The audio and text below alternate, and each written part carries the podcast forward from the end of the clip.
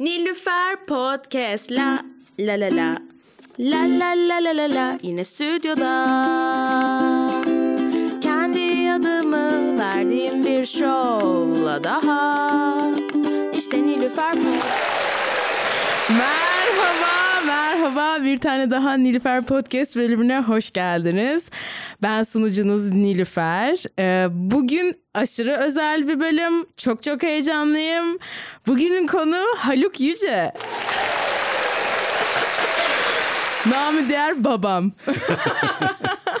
Hoş geldin babacığım. Nasılsın? Hoş geldin. Hoş bu ben Hoş dilim tutuldu. Yani Hoş öyle bir sonuç beklemiyordum. Ee, hoş bulduk. Ee, iyiyim. Çok iyiyim. Heyecanlıyım. Trenden geldin. Evet.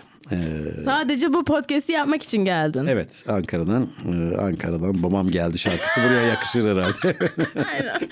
Bunun şakasını çok yapıyorum işte. Ankara'dan komedyenler geliyor. Diyorum işte sadece bu podcast'i yapmak için geldiler falan. Genelde doğru olmuyor. Ama bugün ilk defa doğru. Ee, Çok mutluyum. Onur duydum geldiğin için bu ben, podcast'te. ben de öyle onur duydum kızım. Bir süredir aklımda zaten seni almak. Ee, başkaları da söylüyordu bu arada. E babanı al, baba, babanı al lazım diye. Ee, ben ya birazcık şunu söyleyeyim. Senden çok bahsetmeyi sevmiyorum. Çünkü e, çok coolsun. Yani cool uygun olmadı. Ee, çok bilinen, çok saygı duyulan bir sanatçısın. Ee, bu yüzden hani böyle sanki senin e, adını vermek, hani seninle bir ilişkim olduğunu, babam olduğunu söylemem böyle bana gereksiz torpiller geçecek ya da benden bir beklenti olacak diye e, çok paylaşmaya çalışıyorum. Hani insanların öğrenmesi gerekiyor. Anladın mı? Bir şekilde find out etmeleri gerekiyor.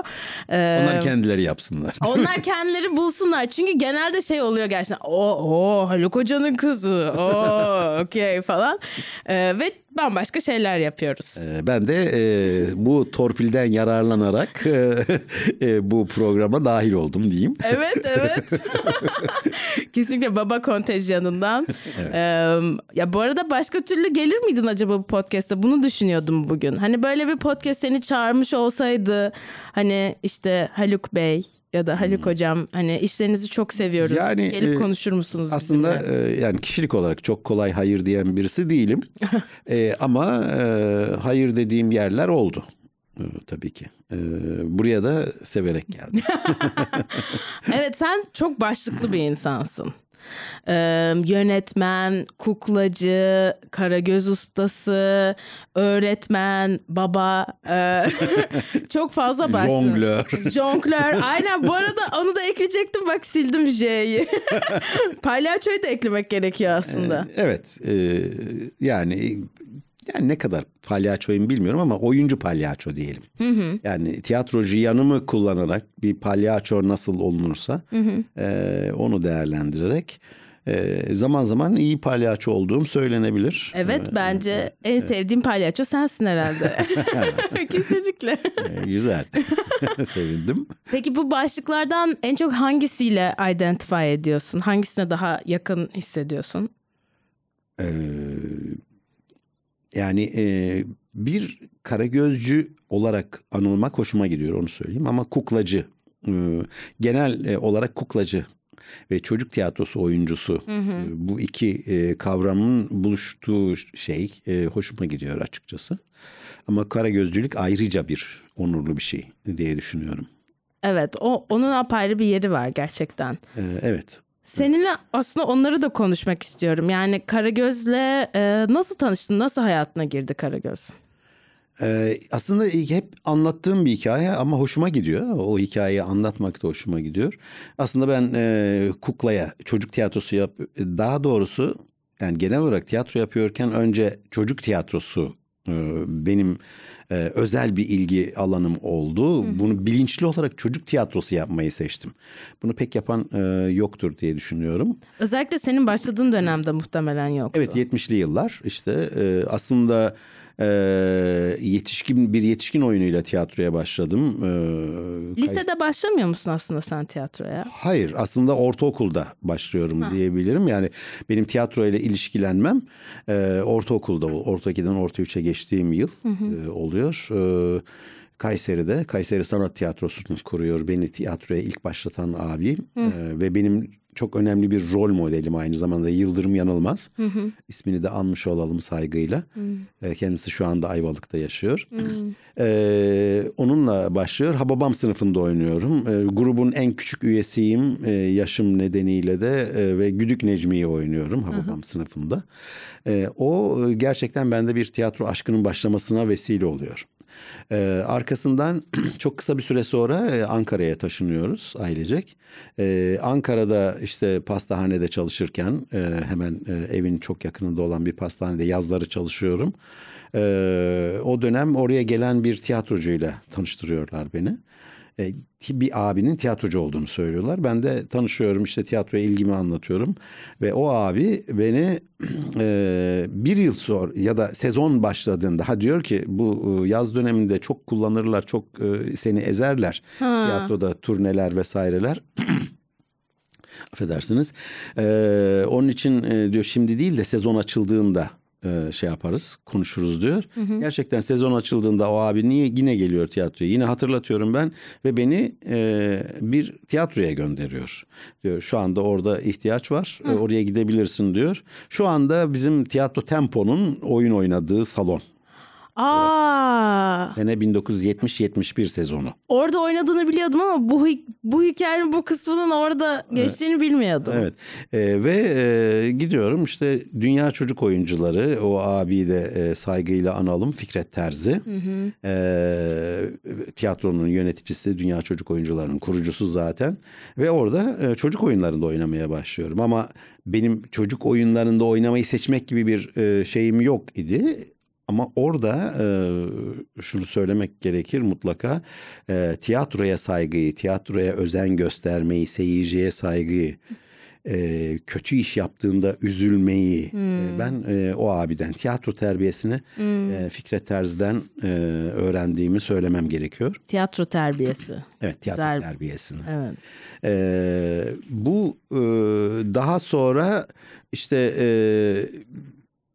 daha sonra işte müzikle de ilgileniyordum. İşte orkestralarda çalıştım hatta pavyonda çalıştım diyeyim. Evet evet zaten burada e, ışıklar açılır açılmaz babam böyle şey oldu. O zaman ben birazcık pavyon günlerimden de bahsedeyim dedi.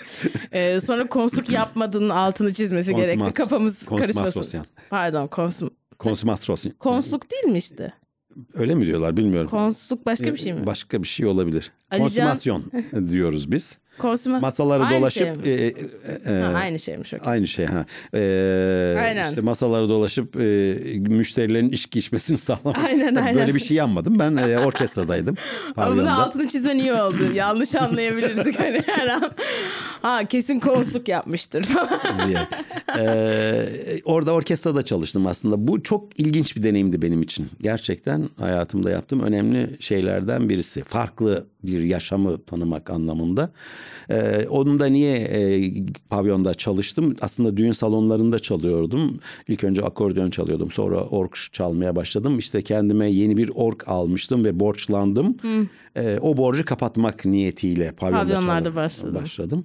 Ee, ve borcum biter bitmez de e, ayrıldım oradan zaten. Ee, ve Hoş bir ortam değildi herhalde değil mi? Yani gergin bir ortamdır or- diye düşünüyorum. Gergindi, silah atma vesaire falan gibi şeyler de yaşadık, deneyimledim. Ee, e, orada gördüğüm o kadınların e, çalıştırılma biçimi vesaire çok rahatsız ediciydi. Ee, gerçekten. Ee, ama o bir deneyim. O dönem mesela e, sahnede olmadığım dönem e, Kızılay'a çok yakındı Ankara'da.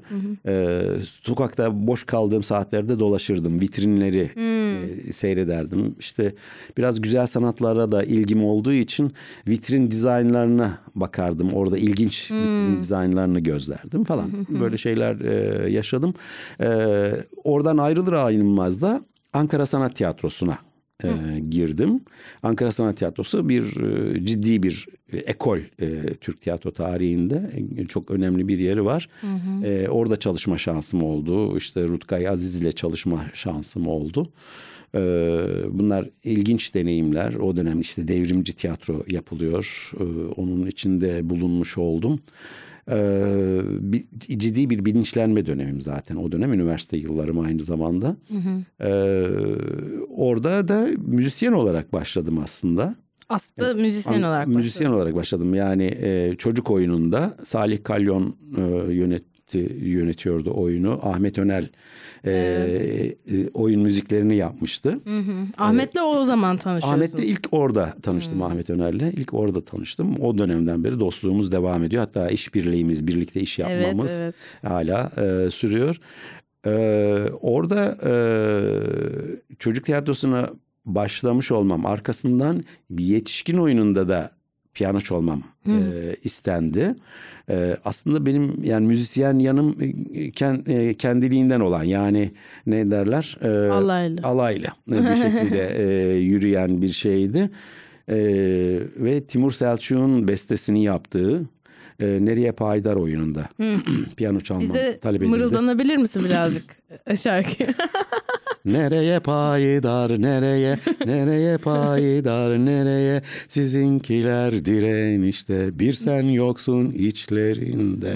Falan diye devam ediyor. Okey. Ee, orada e, korktum açıkçası böyle e, önemli bir bestecinin, e, müzisyenin e, bestelerini çalma konusunda. Beni e, tiyatrodaki e, abiler cesaretlendirdiler. Yaparsın edersin Evet. falan. Bir gece boyunca e, teybe kaydedilmiş müzikleri dinleyip sabaha kadar çalışıp gerçek anlamda sabaha kadar çalışıp e, parçaları çıkarttım ve sonra dinlettik Timur Selçuk'a Hiç ve kabul etti. gerçekçi değil ya. İnanılmaz yani. İnanılmaz bir şey. Yani benimki de iyi bir cesaret. Evet. Ee, ama Acemi o dönem- cesareti e, işte. e, evet. E, ondan sonra ama e, beğendi Timur Selçuk çalabilir dedi ve ondan sonra çalmaya başladım. Ama o dönem o yetişkin oyununda bu çalışma sürecinde ben çocuk tiyatrosu yapmak istediğime karar verdim. Hmm. Bu benim için önemli şeylerden birisiydi. Ben sadece çocuklar için çalıştım. Niye peki? O şeyin oradaki motivasyon neydi? Yani Şimdi bir orada yandan neyi çocuk buldun oyunları- yetişkin oyunda bulamadığın? Ee, samimiyet diyeyim. Ee, çocuk izleyicinin samimiyeti e, beni etkiliyordu e, oyunlarda. O dönem yaptığımız e, tiyatroda e, seyirciyle iç içe olma, seyirciye seyircinin aktif katılımını hedefleyen çalışmalar yapılıyordu. O dönem çok yeniydi bu tür şeyler. Ee, bütün bunlar beni etkiledi e, açıkçası.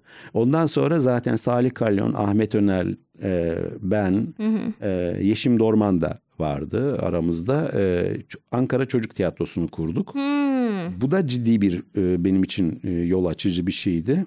Yani bir ortaklıktı ve onun parçası olmak çok önemliydi. Orada kendim de oyun e, yönetme e, deneyimi kazandım. E, ve orada giderek kuklaya e, yönelmeye başladım. Hmm. Bu, bu da e, hayatımdaki önemli bir dönüş noktasıydı. Bu kendi kendine mi oldu kuklaya yönelimin? Ee, aslında şöyle söylemek daha doğru olur. o dönem biz her şeye aç bir şekilde her bilgiyi e, edinmeye çalışıyoruz tabii. E, yurt dışından gelen e, gösteriler oluyordu. E, kültür merkezlerinin, yabancı kültür merkezlerinin getirdiği gösteriler oluyordu. Onları çok seyrediyorduk. E, o, o zaman dil öğrenme çabamız da vardı. Ben daha çok Almanca üzerinde e, kendimi geliştiriyordum. E, ve o gelen gösterilerde pantomim ve kukla gösterileriyle karşılaşıyordum. E, pantomim benim için çok önemliydi. Ben zaten 70'li yıllardan itibaren pantomimi öğrenmeye çalışıyordum kendi çabamla. E, ve pantomimle Karagöz şeyin e, kuklanın buluştuğu noktaları görmeye başladım. Bu beni heyecanlandırdı aslında ve e, öylelikle e, kuklaya yönelmeye başladım. Bir o e, sahnelediğim oyunda Ankara Çocuk Tiyatrosu içinde sahnelediğim bir oyunda kukla e, kullanmaya çalıştım. E, kuklayı keşfetmeye çalıştım. Bu beni çok heyecanlandırdı. Daha sonra e, 80 başlarında, e, 79'un sonunda, 80 başlarında e, Ankara Çocuk Tiyatrosu'ndan değişik nedenlerle ayrılmaya karar verdim. Ve tek başıma olmak istediğimi fark ettim. Tek başıma kuklayı keşfetmek istediğimi fark ettim. İşte mask ve e, kukla kullanarak acaba tek kişiyle öykü anlatabilir miyim? İbiş o sırada çıktı. Evet o dönemki çalışmaların sonunda aslında hemen değil. E, o dönem e, bir öyküyü nasıl anlatabilirim? Ankara Sanat Tiyatrosu'nda oynadığımız e, Samet Behrengi'nin e, Bir Şeftali Bir Şeftalisini oynamıştık. Salih Kalyon'un uyarladığı. E, acaba ben bu öyküyü anlatsam tek başıma nasıl anlatırım diye kafa yormaya başladım. Hatta e, kendi köyümüze gitmiştik. Orada çocuklara anlatarak deneme yapmaya çalıştım. Derken e, döndükten sonra e, o e, 80 e, bu 12 Eylül e, dönemi e, ihtilal olan dönem ondan sonra yaşanan bir takım sıkıntılar oldu vesaire. O dönemde Çağdaş sahne vardı Ankara'da. O Çağdaş sahneye e, girdim. Orada bana kapıyı açtılar oradaki abiler e, ve e, bir alan verdiler. Orada tek başıma ben bu tek kişilik gösteri denemelerini yapmaya başladım. Kuklalı ve masklı. E, yine bana destek olan kişiler vardı. E, mimar bir abi vardı. O e, maskların tasarımını yaptı falan. İki boyutlu maskların tasarımını yaptı falan. Böyle destekler alarak e, orada denemelere başladım.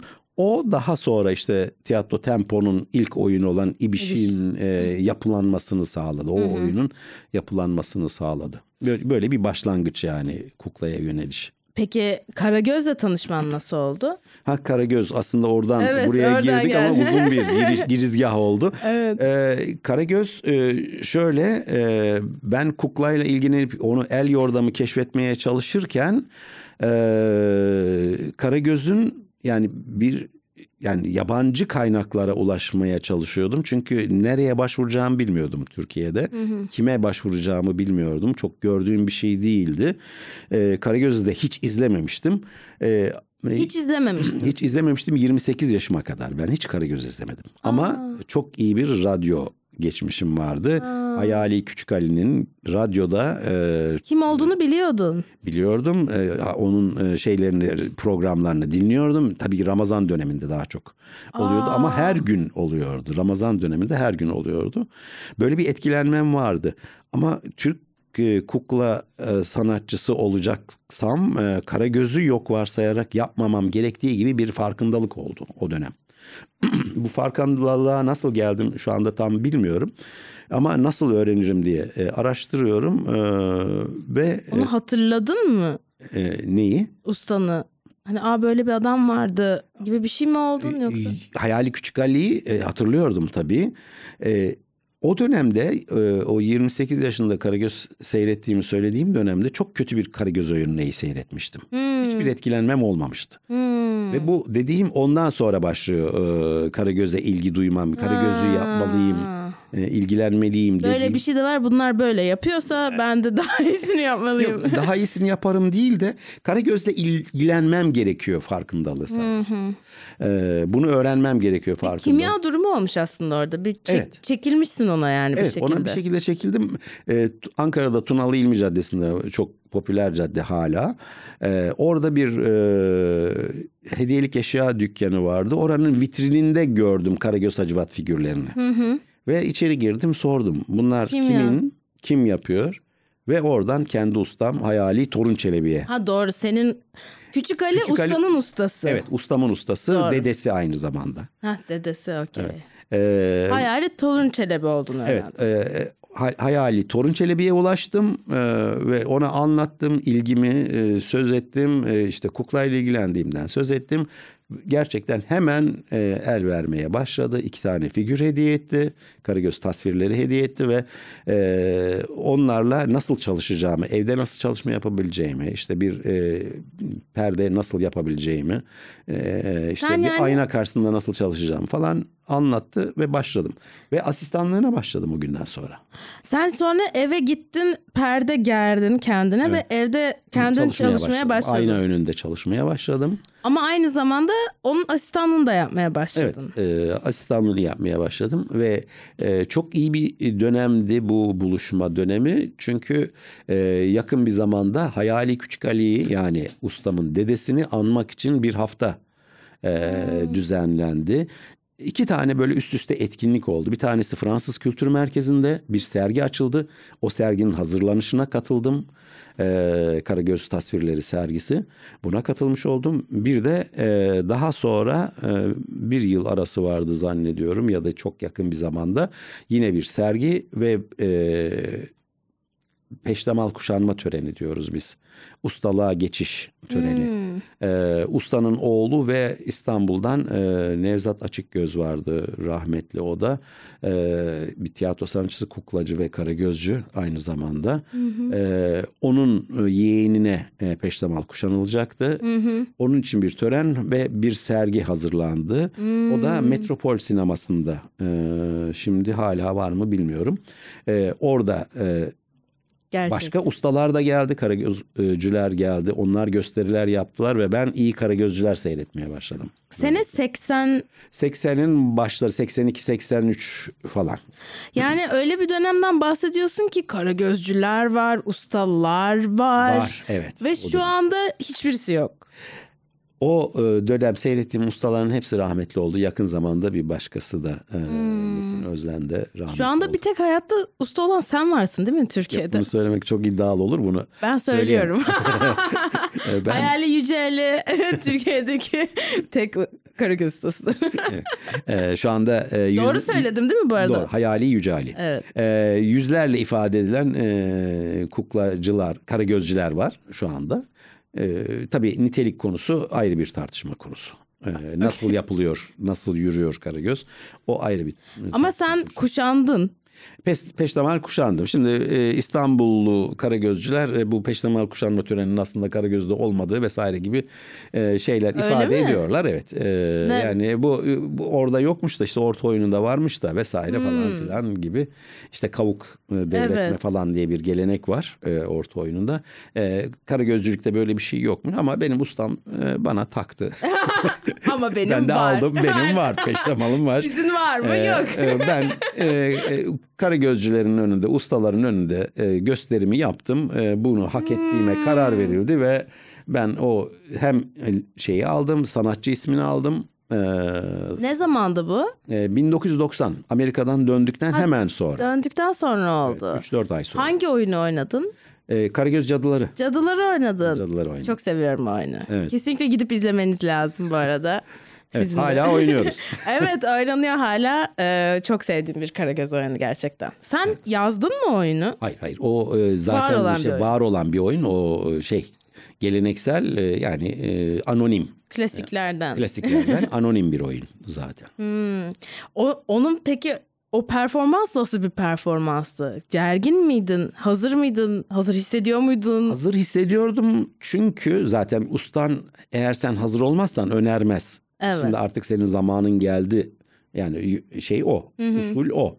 Ee, zamanın geldi artık e, peştemal kuşanma zamanın geldi, hazırlan der. Ee, o öyle hazırlanıp oynarsınız. Hazırdım çünkü ben Amerika'dayken e, çok kez oynattım bu oyunu. Doğru. Amerika'dan git Amerika'ya gitmeden önce yani 1986'dan önce zaten oynatmaya başlamıştım. Amerika'ya gittim orada pekişti. Çünkü e, orada ikinci yılımda Amerika'ya gidişimin ikinci yılından itibaren ben o oyunu sergilemeye başladım. Ve dört yıl geçmiş oldu. Dolayısıyla e, pekişti. Peki isim alma meselesi sadece kuşak bağlanmasıyla mı oluyor yoksa İşte o peştemal kuşandığınızda çok ustanız özür da diliyorum. Beş temel kuşanmasıyla. e, kuşak bağlandığında ustanız size bir e, isim veriyor. Ünvan veriyor. Yani diyor ki hayali işte ta ta ta ta. Peki bu İstanbullularda da hayali ta ta var mı? E, var herkes kendi ismini söylüyor. Ha, E, öyle e, oluyor. E, evet. Anladım. Yani e, birisinden el alıyorlardır muhtemelen ama bu geleneği sürdürmüyorlar zannederim. Onun için böyle bir birisinin önünde gösteri yapıp e, bir ustaların önünde gösteri yapıp da o ismi almak şeklinde Olmuyor. çok yürümüyor galiba. Peki şey e, yani biliyorum senin hani o usta çırak ilişkisi sen deneyim yani sen bir çırak olarak o ilişkiyi deneyimleyebildin ama e, bir usta olarak o ilişki deneyimleyemedin. Ama buna yaklaştığın zamanlar oldu sanırım değil mi böyle ilgilenenler belki de olabilir dediklerin. Evet belki de olabilir dediklerim oldu. Geldi gittiler işte herkesin kendine göre bir gerekçesi vardı. Ee, bir süreklilik gerekiyor bu tür şeylerde. Ee, yani her işte olduğu gibi aslında bir süreklilik gerekiyor. O çıraklığı yaşama sürecine de e, sabır göstermek gerekiyor. Hı hı. E, bunu ben çok deneyimleyemedim. Asistanlar anlamında e, çok güçlü asistanlarım oldu. Hı hı. E, ama e, bunların çoğu kadındı. Hı hı. E, erkek asistanım da yani böyle bir hedefi olan bir asistan değildi. Onun için e, öyle bir dönüşüm olmadı. Yani ustalığa geçiş süreci yaşanmadı. Hı hı. E, ama e, usta olabilecek e, çok değil birkaç kişi e, oldu. Bir iki kişi diyebilirim ancak. Okay. E, ama e, öyle bir birlikte kalma hedefi olmadığı için ya da kolayından bir an önce bir şey yapmak istedikleri için ya da kendilerinin e, zaten e, böyle bir şeye ihtiyaçları olmadığını düşündükleri için hı hı. E, ya da hazır olduk zaten oynatıyorum diye hı. düşündükleri için o süreci yaşamadılar. Oysa ki e, bu son söylediğimle ilintili ben ustam keşke vefat etmeseydi onunla en azından şu oyunu şu oyunu da oynatmış olsaydım hı hı. dediğim e, oldu mesela. Hı hı. Çünkü o usta çırak deneyiminin çok önemli olduğunu düşünüyorum. Burada usta çırak ilişkisi dediğimizde de e, yani usta sana oturup ders yaptırmıyor. Tabii. Seyrederek, izleyerek. Sadece yanında bulunarak. Yanında yani. bulunarak ve e, sorular sorarak, sohbet içinde bir şeyler öğrenerek e, yürüyorsunuz. Hı hı. Ve bu çok önemli bir deneyim diye düşünüyorum. Kesinlikle. Ben de şey gibi düşündüm bunları, e, bunlara kafa vererken, sana soruları hazırlarken bu usta çırak ilişkisine özel olarak. Yani acaba bu ee, ya bilmiyorum belki de yanlış düşünüyorumdur. Sen de lütfen söyle fikrini. Yani acaba bu usta çırak ilişkisi e, günümüze uygun değil mi? Yani acaba bu yeni dünyada yeni farklı formda bir usta çırak ilişkisi mi olması gerekiyor? O olsa nasıl olur? Ama belki de öyle değil çünkü senin bahsettiğin şey aslında tamamen arkadaşlık, saygı, vakit geçirmek. Evet. Ee, aslında e, ben çok değiştiğini düşünmüyorum. E, bu sadece e, bu tür performans alanlarında değil, hı hı. E, güzel sanatlar alanlarında da hı hı. E, aynı şey. Zaten e, bir e, ressam e, özgeçmişine baktığınızda bilmem kimin stüdyosunda e, şey yaptı, çalıştı, eğitim gördü vesaire. Orası da usta çırak ilişkisi aslında. Doğru, doğru. Yani güzel sanatlar e, fakültesinde okuyorsanız orada yine belli bir hocayla çalışıyorsunuz. Orada da usta çırak ilişkisi var. Evet. Yani akademik bir şey olsa da e, onların puanlaması bilmem nesi vesairesi olsa da e, oradaki yürüyen sistem de usta çırak ilişkisi. E, günümüzde şöyle bir fark var. E, çok bu internet dediğimiz e, şey e, sistem e, çok önemli bir kaynak. Hı hı. Yani kolay kolay göremeyeceğiniz, izleyemeyeceğiniz şeyleri izleme şansı veriyor. Ve e, burada o çırağın ustalığa geçişi için olan gözlemini yakalayabilmesi kendi becerisine kalmış. Aslında öbür tarafta da kendi becerisine kalmış. Hı hı. Sen bu ustanın yanında kalırsın, çalışırsın, çalışırsın ama bir türlü e, o ustalık e, şeyine ulaşamazsın. Evet. Bu da e, söz konusu. E, orada senin gözlemine bağlı. Bu nedenle ben diyorum ki internette bu kadar çok kaynak varken birilerini izleme şansı varken buradan bir şey öğrenmemek nasıl mümkün olabilir diyorum eğer o alanla ilgiliysen. Evet. Ee, onun için o da bir usta çırak ilişkisi aslında. Hı hı. Yani gözlemeyi bilmek, almayı bilmek. Ben e, bununla ilgili de hatta şeyi söylerim. E, teşhis koymak. Hı. Yani bir şeyi iyi diyorsun. Ama neden iyi olduğuna teşhis koymak senin becerine kalmış. Evet. Onu analiz edip de orada bunun nedeni şu diyebiliyor musun? Ve ondan sonra da sen o şu dediğin şeyle ilgili çalışma yapabiliyor musun ve oradan ileriye gidebiliyor musun meselesine bağlı. Ya bunları söyleyince ben direkt mesela stand-up'a bunu şey yapmaya çalışıyorum anladın mı? Stand-up için düşünüyorum ve bence orada da geçerli bu. Ama birazcık şey Kesinlikle. olabiliyor gerçekten. Yani bu çok iyi şu anda ve niye iyi olduğunu anlayamıyorum gibi şeyler de olabiliyor. Tabii tabii anlayamıyorlar. Yani gerçekten kavrayamıyorlar. Yani hep bu bizde e, Ya ben de deneyimliyorum bunu anladın mı? Hani Evet. böyle bir şey bakıyorum görüyorum hani ya çok iyi ama tam nedir yani orada parmağımı basamıyorum üstüne. Evet, mı? o o zor e, ve işte o belki tekrar tekrar izleyerek. Evet. Ben pantomim konusunda kendime yani bir eğitimci konumuna da geldim pantomim konusunda. Ee, kendime pantomimci diyemem ama bir pantomim eğitimi verebiliyorum. Ee, ne yaptım o dönem Marcel Marceau çok önemli bir idoldü pantomim alanında Fransız. Ee, bütün dünyayı etkileyen bir idoldü. Ee, onun filmlerini ödünç alıp Fransız Kültür Merkezi'nden 16'lık e, filmler e, vardı. E, işte o çağdaş sahnede e, makine de vardı. Onları alıp izleyip notlar alarak yürümeyi nasıl yapıyor? Yandan yürüme nasıl? Karşıdan seyirci karşıdan seyrediyorsa nasıl yürüyor? Bütün bunların notlarını alarak bunu tekrar tekrar seyrederek onunla ilgili bir e, şey saptıyorsun. Bir eğitim planı saptıyorsun aslında ve Evet. kendine uyguluyorsun. Yani bu mümkün. Tekrar izlemek çok önemli. Onun için usta yanında çalışmanın avantajı da ben e, Karagöz Cadıları niye iyi oynatıyorum? Ustamla birlikte en çok oynattığım oyun o çünkü. Hı hı. Ve orada ustanın neler yaptığını, e, nelere dikkat ettiğini uluslararası festivallere katılarak da e, asistanlık yaptığım için ustaya e, oradan gördüğüm şeyler çok fazlaydı.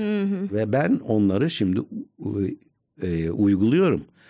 Ve benim olgunluk, Karagöz'de olgunluk çağına gelmem. e, yani yıllar sonra oldu.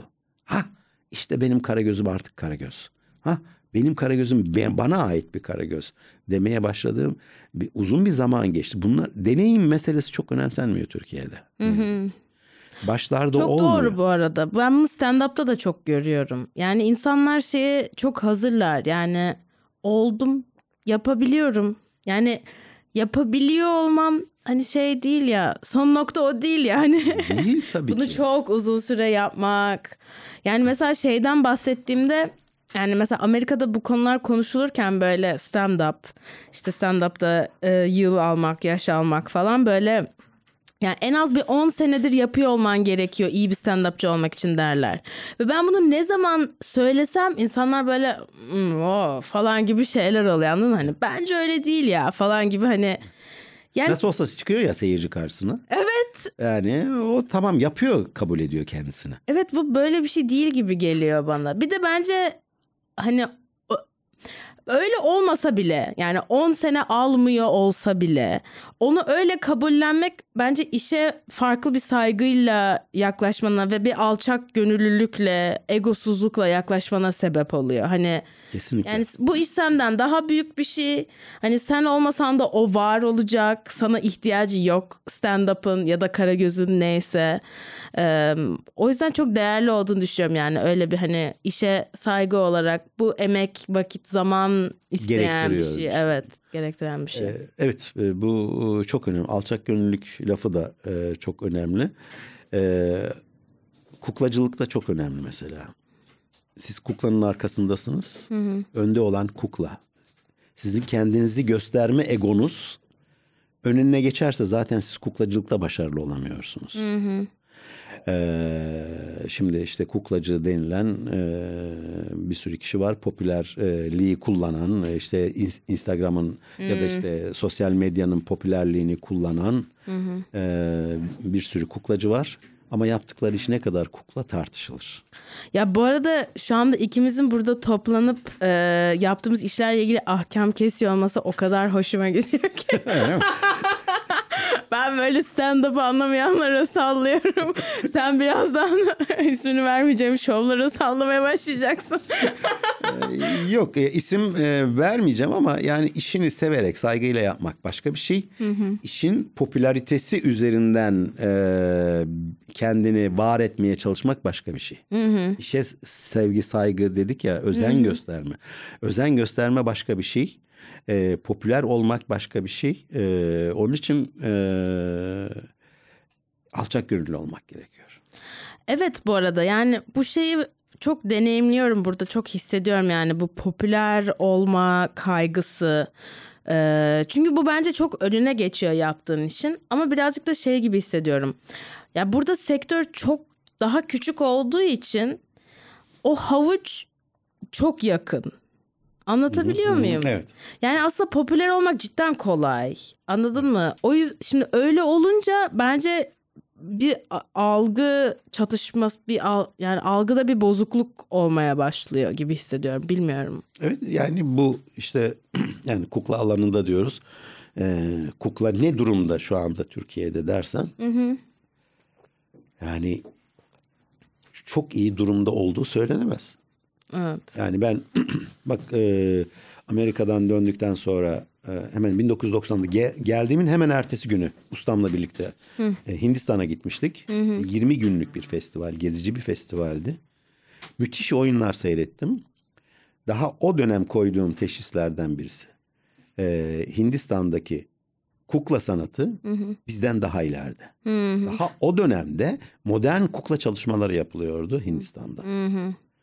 Ama bunun arkasında ne vardı? Geleneksele saygı vardı. Hmm. Geleneksel olanı da çok iyi sahipleniyorlardı. Akademik olarak da akademisyenler de sahipleniyordu. Bu işin içinde olan kişiler de sahipleniyordu. Arkasında bu vardı.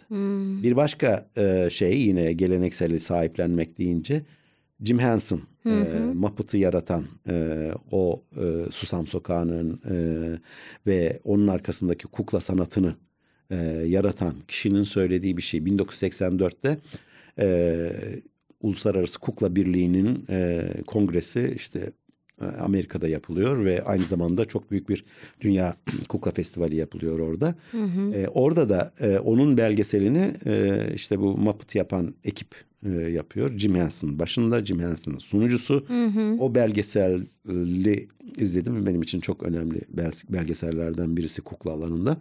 E, orada e, söylediği bir şey var Jim Henson'ın. Ben ne yapıyorsam e, gelenekselden yola çıkarak yapıyorum. El kuklası, sopalı kukla, bunraku bütün bunlar e, içinde var olduğu tekniği kullanarak yapıyorum ben bu işi diyor. Yani onlara saygı duyarak kendi yaptığı işi e, önemsiyor. Ona e, ona sahip çıkarak kendi yaptığın işinin arkasında bunun yattığını söylüyor. Bu bence çok önemli bir şey. Çünkü e, Jim Henson'ın yaptığı iş çok popüler oldu. Bütün dünyada Susam Sokağı değişik dillere e, çevrilerek ya da e, değişik ülkelerin e, kendi dillerinde ayrı programlar çekilerek e, yaygınlaştırıldı. Kukla deyince akla neredeyse sadece o geliyor bütün Evet. dünyada. Evet kesinlikle. Ki öyle değil. Evet. Yani kukla deyince o demek değil. evet. Oradaki bu işi yapan kişi saygı duyuyor. Bizlerin de onun duyduğu gibi e, kuklanın kendisine saygı duymayı öğrenmemiz gerekiyor ama bunun için çok yol almamız gerekiyor. Evet. Ee, çok şey bitirdim baba böyle. bir, küçük bir tatlı bir tirat şeklinde bitirdim. Peki şundan bahsetmek istiyorum. Jonglörlükten bahsettin. Ee, benim hala 3 top çeviremiyor olmam seni ne kadar hayal kırıklığına uğratıyor. E, ben e, yapabileceğine inanıyorum. E, hala inanıyorum. Bu arada şöyle bir şey var. Yapamıyorum ama öğretebilirim. Ha, güzel. Öğretmeyi şey. biliyorum. Çünkü çok izledim senin öğretme şeklini. O yüzden işte ellerini nasıl tutman gerektiğini, gözünün nerede olması gerektiğini. işte önce bir topla başlayıp, sonra iki topla başlayıp, sonra aslında iki top çevirebiliyorsan üç topta çok da farklı olmadığını. Bunların hepsini biliyorum. Sadece yapamıyorum. Evet. Yani Nika yapıyor biliyorsun. Şimdi niye kardeşleri Karşılaştırıyorsun. evet birbirine şey yapıyorsun? E, Yok e, şey gerçekten e, şeye inanıyorum. Tabii ki bir yetenek e, olma yani belli bir yetenek olması lazım bununla ilgili. Yani e, zihinsel koordinasyon, el koordinasyonu, koordinasyon, göz evet. koordinasyonu vesaire. Bütün bunların bir e, şey, ilişkisi var ama her gün çalışmanın çok önemi var. evet. E, bunu da hep eğitimlerimde de söylüyorum. Orada az önceki yani e, teknik olarak dün kaydetti dün yayınlanan podcast'te az önce kaydettiğimiz trompetçi bir arkadaş geldi ve ona demişti e, diyordum işte böyle hani senin enstrümanını çalışma şeklin nedir? Babam bana çünkü çok dedi her gün çalışman lazım. Her gün yapman gereken bir şey diye. O yüzden az önce söylediğin şeyi e, hatırlıyorum yani unutulmadı yazıldı. evet yani işte çok e, yine bir belgeselde jonglörlük üzerine bir belgeselde yaşlıca bir e, usta e, şey söylüyor yani işte haftada bir gün 5 saat çalışmaktansa her gün 20 dakika çalışmak çok daha önemli. Evet. Yani asıl geliştiren o. Haftada bir çalışılan 5 saat değil. Bu arada bu her şey için geçerli. Spor yaparken de böyle, işte yazmak istiyorsan da böyle, atıyorum yeni bir dil öğrenmek istiyorsan da böyle. Evet. Evet. Evet, her şey için geçerli bu. Doğru. Peki. Ee, Evet. Neye geliyoruz? Gülmeye mi geliyoruz? çalış kızım. Ee, ya şeyi soracaktım sana. Yani burada aldığım bir sürü not var da hani doğru e, ilerlemek istiyorum. Ee, Neşeli Cumartesi'nden bahsedelim biraz ya. Evet. Program neşelensin diyorsun. Evet, Yani. evet. Ee, Göktaşı ile başlamadın değil mi? Neşeli Cumartesi ile başladın. Hayır. Göktaşı ile başladık. Neşeli Ha, Cumartesi okey. daha sonra. Daha sonra oldu. Okey. Ee, evet, sen bir süre TRT'de e, çocuk programları yaptın. Evet. Göktaşı ile başladın. Evet. Ee, Göktaş'ın mesela formatını nasıl, premisi nasıl anlatırsın? Hani şununla bu show mesela 3 2 3 cümlelik bir açıklaması olsa Göktaş'ının. Yani bir e, seyircili yani katılımlı çocukların katıldığı bir program olması.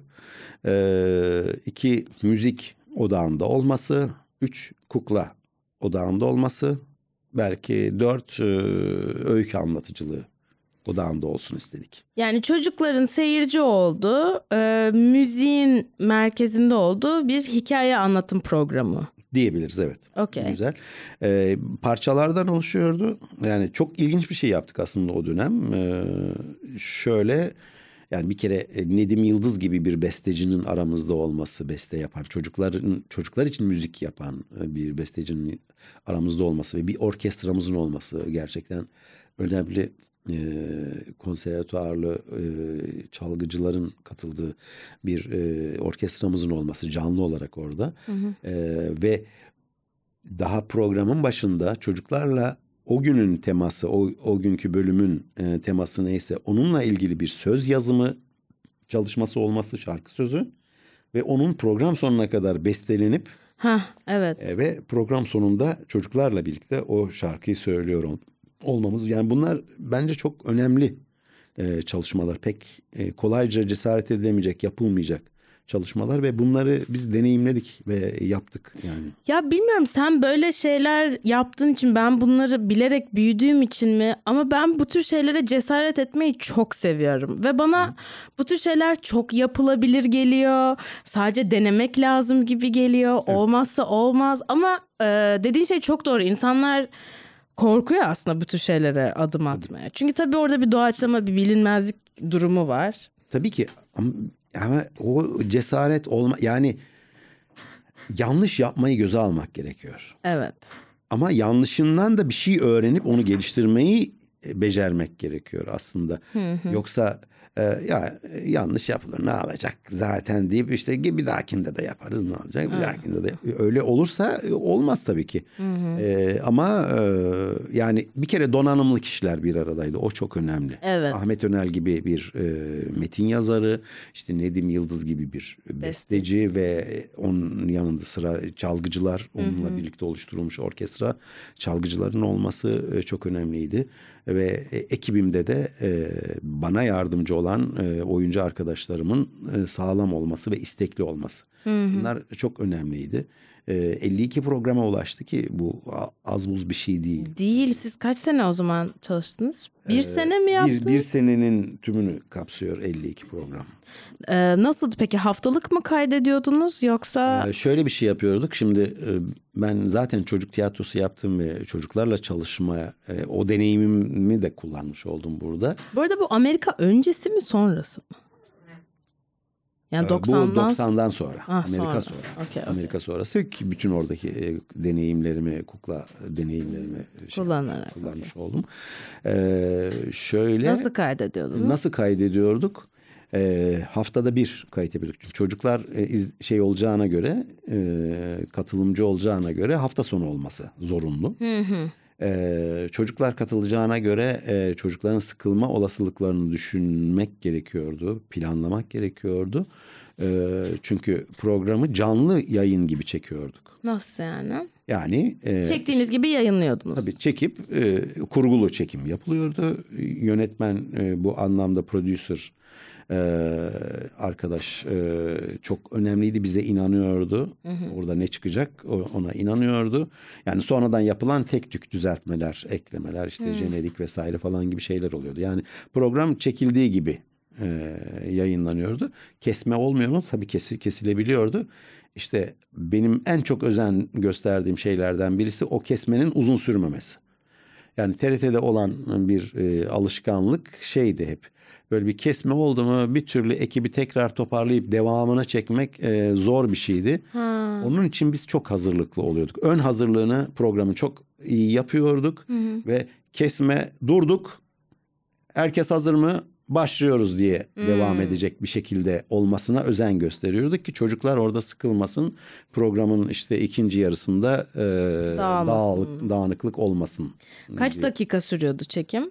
Ee, her bir e, şey e, yarım saatti her bir bölüm yarım saatti ve biz e, bir hafta sonunda dört bölüm çekmeye çalışıyorduk. Ha. Dört grup alıyordunuz. Dört grup alıyorduk ve farklı öğrenciler, farklı çocuklar. Ve çekim de o zaman yarım saat 40 dakika gibi bir şey sürüyordu herhalde. Yok, evet, yani bir çekimin sürmesi bu çekime girinceye kadar zaten e, bir sürü şey o zaman geçme işte kamera hazır mı işte şey resim seçici yerinde mi yok işte kahve içiyor vesaire falan bütün bunları atlatıp yani en az e, iki bir buçuk iki saat gibi e, Bir bölümü çekmek. bir bölümü çekmek. Peki çocuklar orada bir buçuk iki saat Tabii oturuyor işte muydu? Orada e, tabii biz e, orada çekim dışı olan alanlarda boşluklarda onları dinamik tutmak için farklı şeyler yapıyorduk. Yani Ha. şarkı söylemek vesaire gibi. Çocuklarla oyunlar oynuyordunuz. Ha, bayağı entertain ediyordunuz çocukları Tabii, bir yandan. tabii, tabii. Aileler orada değildi. Hayır. e, aileleri Çünkü yaşlar genel küçük olarak değil mi? almıyor. Göktaşı sanki daha küçük yaş değil mi? Ben yanlış mı şey yapıyorum? Yani daha küçük çocuklara yönelik ama gene de ilkokul çocukları Ha, ilkokul. ağırlıklı al- almaya çalışıyorduk. Hmm. katılacak kişileri. Çünkü orada e, şarkı sözü üretecek bir şeyi olması gerekiyor. e, Bilinci olması gerekiyor. Hmm. Bu bir sene sürdü. Evet. Onda bu bir nasıl bitti? ya da iki sene sürdü. Yani şu anda tam ayrıntıları hatırlayamıyorum ama 52-52 hep gittiğimizi hatırlıyorum. Ee, do- daha sonrasında e, Ya programın sona ermesi nasıl oldu? açıkçası onu hatırlamıyorum ama TRT'nin şöyle bir zaafı vardı. Yani işte bu biraz önce deneyimden söz ettik ya o deneyimin kıymetini bilen bir yapı anlayış e, çok fazla yoktu. İşte yeni bir şey, yeni bir şey yapalım. Sanki kolay oluyor. e, Yani bir, bir fikri Yeni üretmek. bir o fikri- format. evet, evet yeni bir format. Yani bir fikri üretip de onu olgunlaştırmak sanki kolay oluyor gibi. Oysa ki deneyim kazanıyorsun. Evet. Aynı şeyi e, bir başka programdan söz edeceğim. Üç tane öyle önemli program yaptık. İkincisi e, Neşeli Cumartesi senin hatırladığın. Neşeli Cumartesi'nde farklı bir yazarla çalıştık. Nihat Asyalı, Rüştü Asyalı'nın abisi.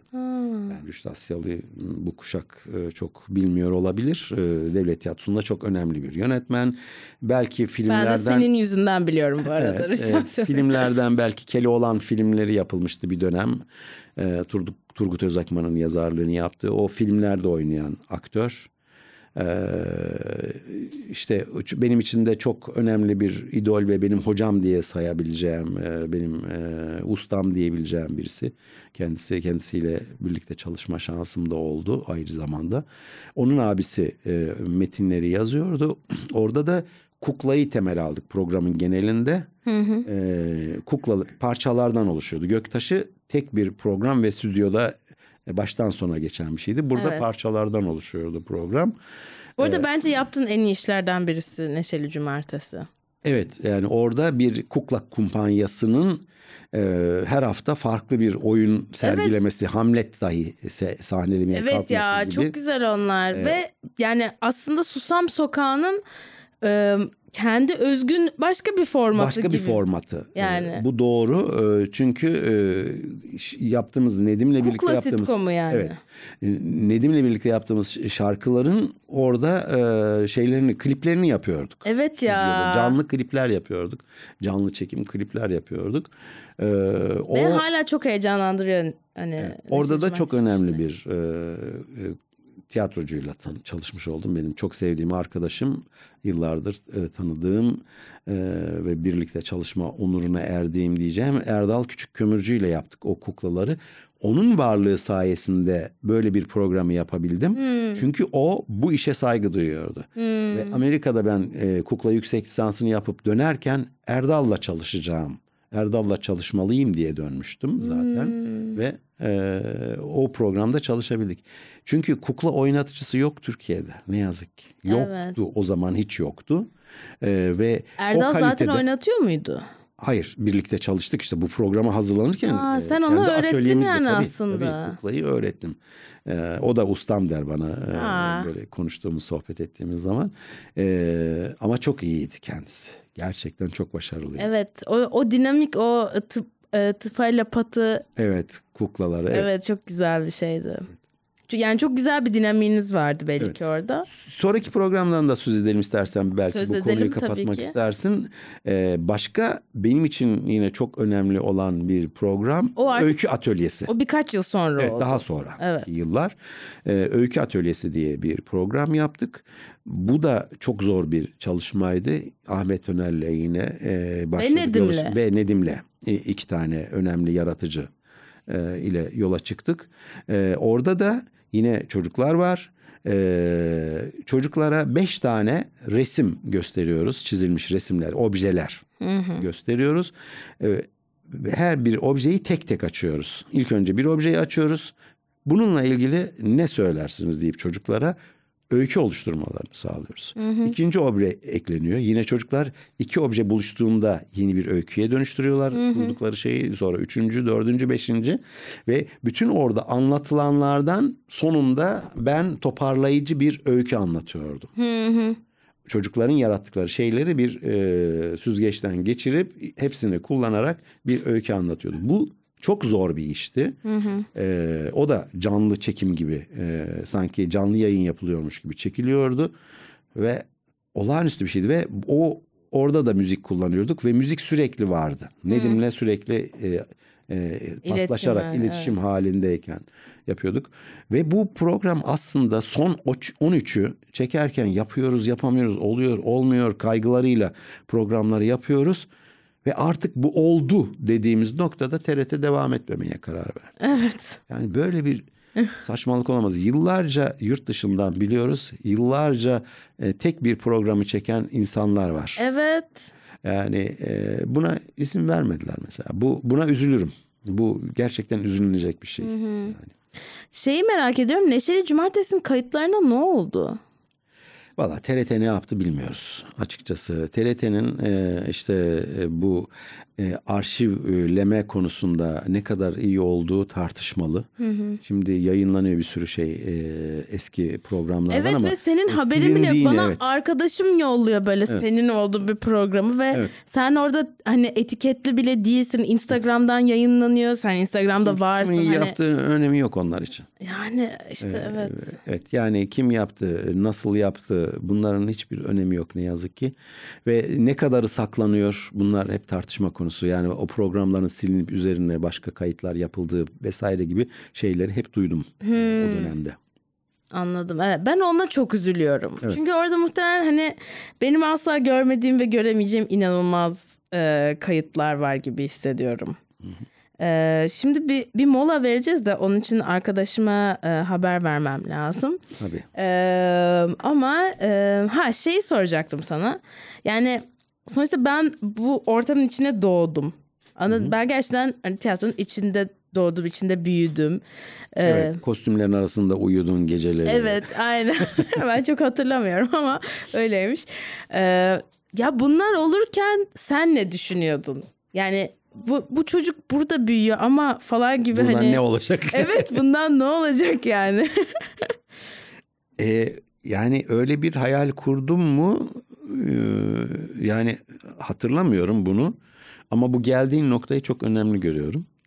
e, ve güzel olduğunu düşünüyorum. Yani geldiğin yerin e, güzel olduğunu düşünüyorum. Onların da katkısı olmuştur diye düşünüyorum. Kesinlikle. Zaten ben hep şey diyorum yani babam tiyatrocu, annem sosyolog. Hani başka bir seçeneğim yoktu. Hani bunların hani birleşimi ancak bir stand-upçı olabiliyor gibi hissediyorum. Bilmiyorum. O zaman e, hadi bir mola e, verelim. Bir yere gitmiyoruz. Sina molası. Sinacığım. Merhaba abi tekrardan selam. Nasılsın nasıl gidiyor podcast? E, çok güzel gidiyor. E, İlk defa mı podcast tarzı bir şey? evet, evet ilk defa. Ama radyo... E, Yani çok röportajlara gittim. Radyoda çok yayına gittim. Onun daha amatör gibi bir Yok şey. canım amatör değil. Gayet ben profesyonel gözlüyorum şu anda. Profesyonel olduğunu gözlüyorum. Babam olduğunu unutma. Evet. Abi e, Sina molasında bir soru soruyorum. Evet. Bir mola, mola vermiş oluyoruz. Hı hı. Sana sorum Nilüfer'le gurur duyuyor musun? Kesinlikle. Kesinlikle. Tamam, bu değil. Nilüfer içindi sadece. Nilüfer'in kaydı, kaydı olsun yani. Kameraları zaten o yüzden kurduk. Bu sadece bu an içindi. Ee, ya ben konuştunuz mu bilmiyorum ama şey merak ediyorum. Hani Nilüfer'in çocukluğu nasıldı ve hani o zaman böyle komik ya da bir komediyle ilgili bir iş yapacağını hissedi yani gözlemlemiş miydin öyle bir şey onu çok merak ediyorum. Ee, açıkçası öyle bir şey gözlemlemedim. Yani geldiği no, komediyle ilgilendiğini e, gördüğüm nokta benim üniversiteye başladığı e, hafta. Ee, Doğru. evet e, ben İstanbul'da mı? Hayır, Ankara'da hayır. Savannah'da Amerika'da. Talking Amerika'da. Funny videosunu izliyordum üniversite 1'de. Ha. Daha stand-up yap- yok yani. Yani üniversiteye kaydolmaya gittiğinde ben götürdüm zaten Amerika'ya. Ee, işte otelde e, kalıyoruz. Orada e, Nilüfer bir şeyler izliyor ve oradan bana anlatıyor ve stand-upçıları anlatıyor. Stand-upçıların neleri konuştuklarını e, falan. E, orada ben böyle bir ilgisinin olduğunu gözledim açıkçası. Ama şimdi şunu da unutmamak gerekiyor. Chaplin falan aslında onlar Ha, hepsi senin işin Tabii, yani. Tabii tabii. Ee, Ha, sen kanına veriyordun biraz gençlikten. Evet. Evet. Kome- komediyi ben seviyordum zaten. Benim Palyaço Kim diye bir oyunum var. Onu e, kaç kez seyretti bilmiyorum. Ee, yani direkt objelerle e, bir komedi yaratmak. Eşyaları kullanarak ve e, seyirciyle kontak halinde. Fiziksel komedi fiziksel, gibi. Evet. Fiziks evet. e, met- malzemelerin komiğini çıkartmak. Malzemelerin çağrışımlarının komiğini çıkartmak gibi. Çocukların gözü önünde palyaçoya dönüşmek gibi. Evet. Onların yönlendirmesiyle palyaçoya dönüşmek gibi bir oyunum vardı. Herhalde onlar da etkiledi onu. Evet kesinlikle. Bir de hani böyle sen hani hep işte yani bence Chaplin'in çok büyük etkisi oldu. Çünkü sen Chaplin'den çok etkileniyordun. Evet, evet. Onu biliyorum. O yüzden hani böyle ben onları izlerken ha bu bu önemli bir şey. Bu Monty Python falan var mıydı? Monty Onlar. Python yoktu. Hayır. Yok. Ee, Chaplin'ler vardı. Chaplin'lerin serisi yani hala arşivinde. Peki şey e, çocukken sen mesela Nilüfer hani sorsalar ya Nilüfer sence ne olur hangi mesleği yapar falan gibi. Hani daha ortaokul dönemlerinde falan gitsen ne derdin? Ne cevap verirdin? Bir e, yönlendirme olarak e, Yok yönlendirme olarak değil ya sen hani Yani sana ne- soruyorlar arkadaşın soruyor falan öyle düşün. sanatın içinde. Gözlem- Sanatın içinde olması. Yaratıcılıkla ilgili bir şey. yaratıcılıkla ilgili bir şey olması. Resim e, çalışması zaten iyiydi. Çiziyor muydu? Ha e, e, ile ilgiliydi. Yaratıcı olduğu çok belliydi. Okul okuduğu okulun da büyük bir e, şansı. E, o okulda görsel sanatlara çok önem veriyorlardı. E, orada yaptığı çalışmalar hocası da söylüyordu. E, görsel sanatlar hocası da söylüyordu. Sıra dışı şeyler yapıyordu hep. Ne gibi mesela? Bizim anladığımız anlamda güzel yani resim anlamda güzel resim değil ama yaratıcı farklı e, formlar deniyordu. İşte bir cama e, bir şey gibi tasarlamak. şey mi de boyamı damlatıyordu falan öyle şeyler mi yapıyordu? Ona benzer şeyler de yapıyordu aslında. Evet. E, ilginç sıra dışı şeyler yapıyordu E, ve onları ben çok beğeniyorum. Mesela benim elim şu anda evimizde asılı e, bir çizimi var.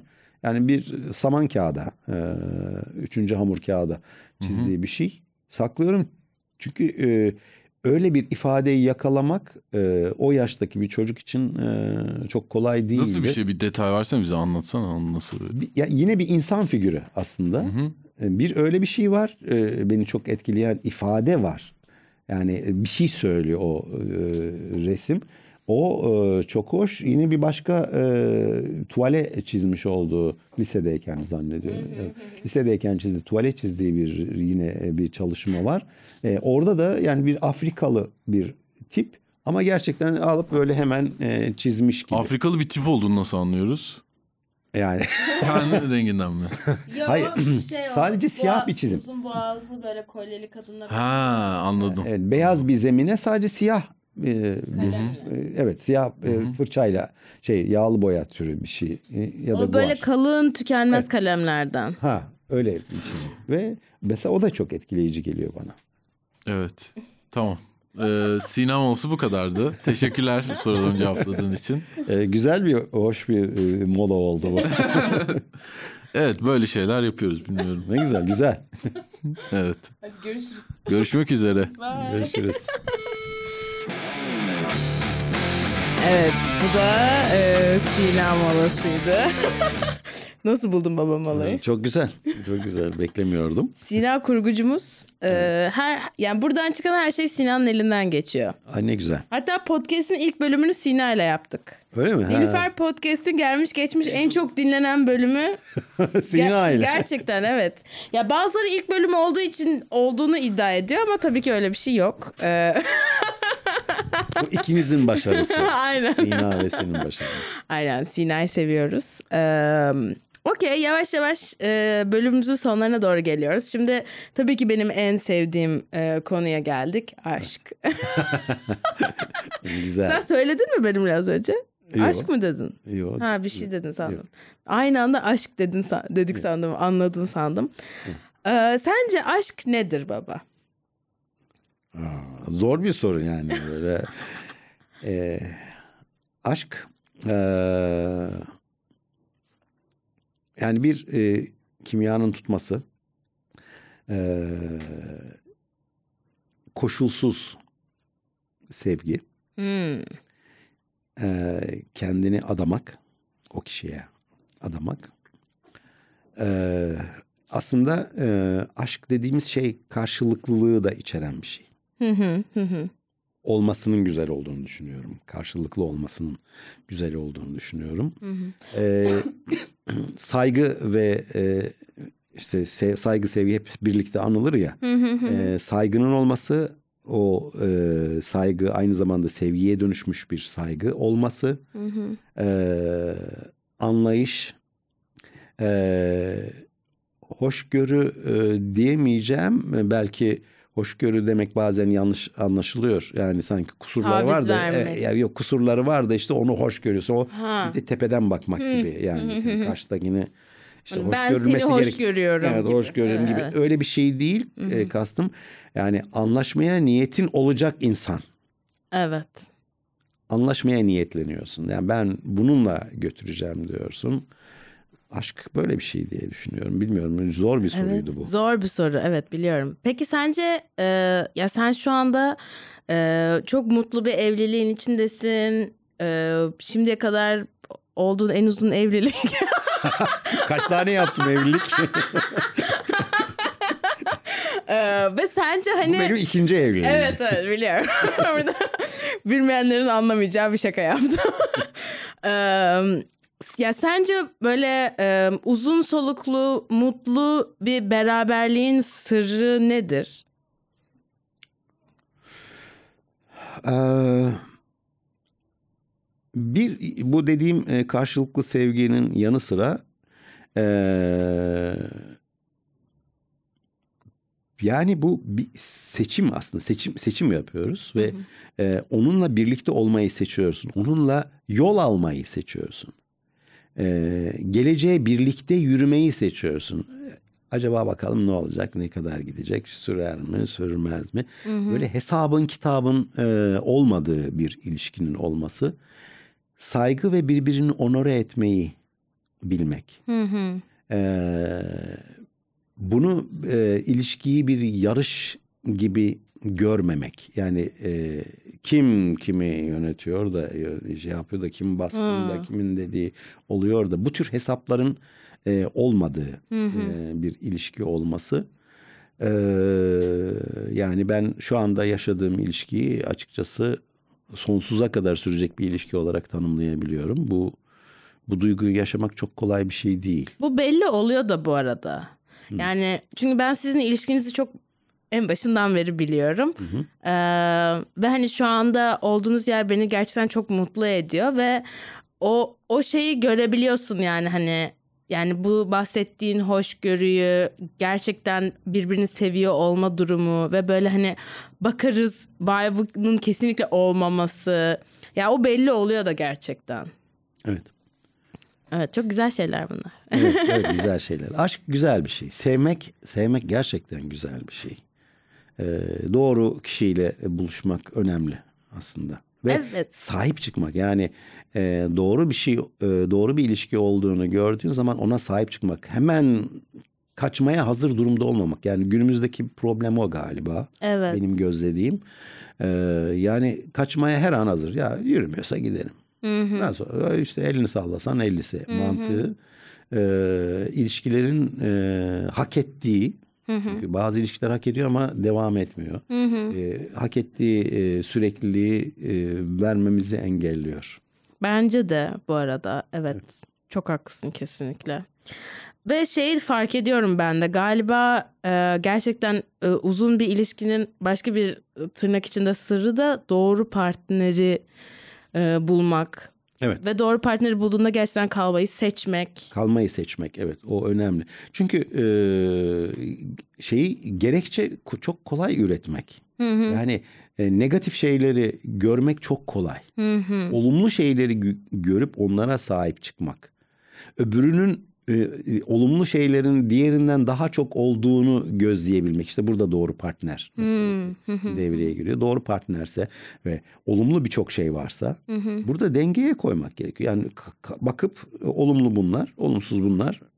Bunun için değer. Bu olumlular için bu olumsuzlara e, katlanmaya değer diyebilmek. Katlanmak ya da onları görmezden gelmeye değer. Ya da kabul etmek Kabul et- yani. kabullenmek e, birebir aynı olmamız mümkün değil ki zaten. Evet. Farklı kültürler, farklı ailelerden geliyoruz ve farklı alışkanlıklardan geliyoruz. Burada o alışkanlıkları buluşturmayı bilmek, buluşturmaya çalışmak e, önemli diye düşünüyorum. E o zaman bari konusu açılmışken şunu da sorayım. Ee, sen erkek arkadaşımla tanıştın. Evet.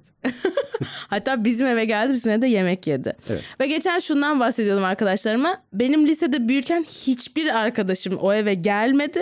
Ve o eve gelen ilk arkadaşım Egecan oldu gerçekten. Evet ne güzel. Evet çok enteresan bence. Ee, ne düşünüyorsun Egecan'la ilgili?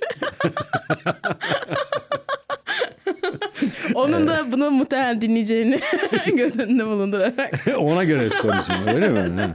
Ama e, onun dinleyeceğini göz önünde bulundurarak konuşmayacağım. Çok sempatik e, birisi bir kere. Yani ilk izlenim olarak yarattığı duygu bu. E, bunu hatta dün önceki gün konuştuk. E, senin paylaşım bir paylaşımın vardı. Ha, evet, evet. E, o paylaşımı e, Marina gösterdi bana. Ha. E, ve o zaman e, çok, bu sözü kullandım ben. Çok sempatik dedim. E, ve çok iyi bir duygu veriyor bir kere. E, ve alçak gönüllülüğü hissettim onda. Hmm. Bu hoşuma gitti onu söyleyeyim. E, çok iyi bir izlenimi var. Yani keşke daha çok gelsin e, bize diyebileceğim e, bir e, kişi. Öyle tamam çok güzel. Duymak istediklerimi de duydum. Ee, Şimdi e, yani anksiyete kısmımız vardı ama yapmayacağım. Yapalım mı? Bence yapmayalım gerek yok. Zaten anksiyetik biri değil baba. değil mi? Çok yok anksiyete. Bunu Yok, konuştuğumuzda yok diyorsun hep. Ben e, inanmıyorum ama. O zaman kurcala bakalım ne çıkacak. e hadi Alican alalım bakalım. Anksiyete. Anksiyete. e baba anksiyetik biri misindir? Hayır değilim. Evet okey. Ee, neden? yani şöyle benim sende gördüğüm şey o zaman anksiyete yani kaygılı biri misin? Yo kaygılı değilim aslında. Genel olarak kaygım e, kaygılı değilim. E, korkuların yok mu diyebilirsin belki. Okey. E, korktuğum şey otoriteye karşı birazcık bir korku taşıyorum. Otorite figürlerine karşı e, bir korku taşıyorum. Ben de bunu senden miras olarak Aldım, Aldım. ne yazık ki. ne yazık ki aldım. Evet yani öyle otoriteye karşı, resmi kurumlara karşı e, polis korkum vardır mesela. E, bunu oluşturacak ama nedenler var. E, bence polis asker korkusu. E, vardır. deneyimlerin var. Deneyimlerim var. E, çocukluğumdan e, kalma. E, onun dışında öyle bir e, başka... Mesela bunları konuşuyor olmak bile benim böyle birazcık boğazım böyle Bende de aynı şey.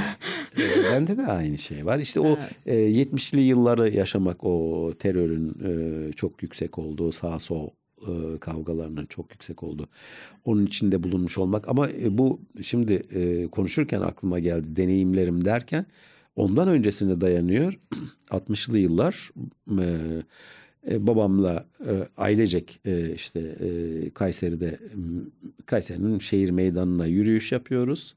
E, orada bir olay çıkmış. İşte jandarma e, geliyor babamı e, şeyin parmak bir parkın bahçeli parkın şeyine e, parmaklıklarına sıkıştırıyor falan gibi böyle bir şeyi görmüş oldum mesela. Bu Şimdi gözümün ben niye geldi. ilk Ben- defa duyuyorum? ben de ilk defa hatırlıyorum. Baba. Şimdi e, sen söyle bak kurcalayınca çıkabiliyor böyle şeyler. evet. Ee, yani e, öyle bir şey hatırlıyorum. Bunun da bir etkisi e, olabilir. E vardır. Yani benim aslında terapistimin bana sorduğu şekilde sen cevapladın. Çünkü o bana mesela bir duygu mesela atıyorum işte geçen gün polis korktum çok gerildim. Okey Nilüfer o duyguyu ilk ne zaman yaşadın diye soruyor bana ve sen aslında Ben şimdi muhtemelen ilk o bunu. zaman yaşadın Evet, o demek. duyguyu. Evet. Yani e, öyle bir şey hatırlıyorum. Ee, başka hatırlayamıyorum. Yine birisilerine babam yardımcı olmak üzere e, birisinin bıçağı bir, şey- bir, bir şey yaşanmış. İşte bıçağını saklamış mı saklamış bir şey olmuş falan onunla ilgili bir mahkemesel bir durum oldu falan gibi böyle. Ben e, yani yok vergi dairesinden bir kağıt geldiğinde iyice gerilirim. İşte ya da bir şey ödendi ödenmedi meselesiyle ilgili bir uyarı geldiğinde e, gerilirim hemen. İşte ne yapacağımı şaşırırım falan gibi. Böyle bir e, otorite figürü yani kötü bir şey yapmadığım halde Tabii, tabii. bir suçluluk e, hissedeceğim bir durumum olmadığı halde Suçluluk hissi. o yapıların o yapıların suçlu olmasan da bir şey yapabileceği düşüncesi var kafamın köşesinde. Evet. Demek. Evet. Ki doğru. Bilemiyorum. Yani bir polisi kötülemek falan değil derdim tabii burada. Polis Yo, ya da öyle o yapıları ya. kötülemek değil onlar tabii ki Buraları silebiliriz bu arada Alican sen sıkıntıysa. Okey tamam. e, toplumsal olarak toplumsal Ben hemen senin gerilmeni bir şeye çıkardım. Evet. Bunları yayınlamamalıyız o zaman falan oldum. Yo yani böyle bir şey bunu yok doğru şey söylüyorum yani bu e, böyle bir şeye götürmek değil konuyu zaten. E, yani o yapılar gerekiyor aynı zamanda buna da inanıyorum.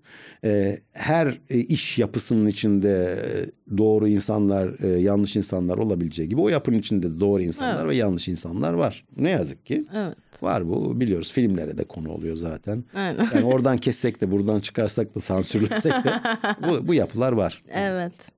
Ee, Okey yani aslında senin kaygıların bu çerçevede oluyor. Evet. Ya bu arada şunu düşündüm. Mesela şey dedin ya işte bana mesela vergiyle ilgili bir kağıt geldiğinde bile ben geriliyorum falan dediğinde. E, çok saçma bir yere gitti. Bu bölüm artık terapiye dönecek de. Sen ben ilk Türkiye geldiğinde bana böyle bir deste mektup vermiştin ya böyle annemle Evet, şeyler ve yazışmalar. orada e, annemle Amerika'daki mektuplarını vermişti babam. E, orada mesela sizin divorce kağıtlarınız da var. Boşanma kağıtlarınız falan da var. Onlar bilinçli gel- vermedim. Bilinçli olarak vermemişimdir onun yani. Onlar da orada. Adım geçiyor kağıtta. Öyle. Kızları Nilüfer falan diye böyle.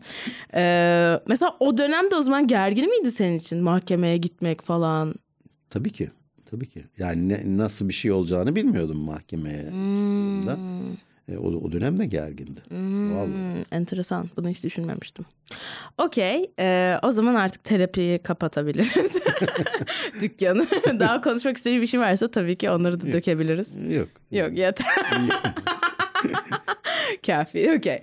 Ee, şimdi şöyle bitiyor bölümümüz. Her bölümün sonunda 10 tane soru var. Ee, işte James Lipton diye bir adamın Proust'ten aldığı soruların bilmem ne biz de çaldık.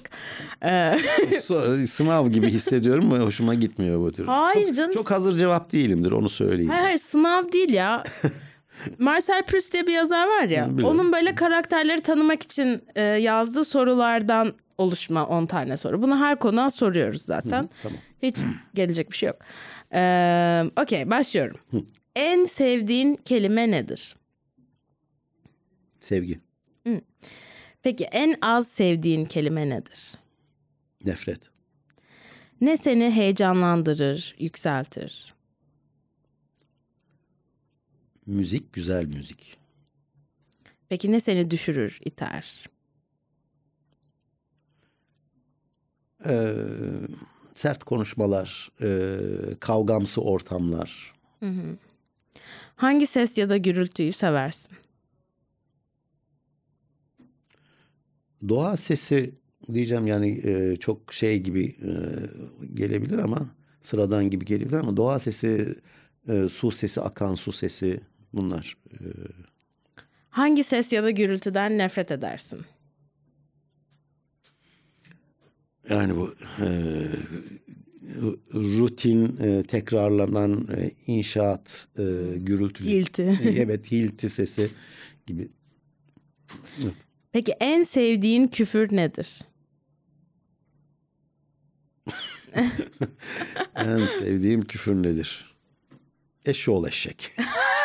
Baba. Küfür mü bu? Alican sayıyor musun küfürden? Saydık tamam. Say- say- Sayılıyormuş. Daha kötüsünü de söyleyeyim. Ben sadece şunu hatırlıyorum. Bir gün e, arabada giderken ve Bodrum'a mı ne gidiyorduk? Sen böyle araba önümüzü kesti bir şey oldu. Küfretmek istemedin. O yüzden orada Zepevenk dedin. E, bunu hatırlıyorum. Peki. Şu anki mesleğinden başka hangi mesleği yapmak isterdin? Ee, bundan memnunum ama e, böyle e, zaman zaman dansla ilgilenmek, daha çok ilgilenmek isterdim.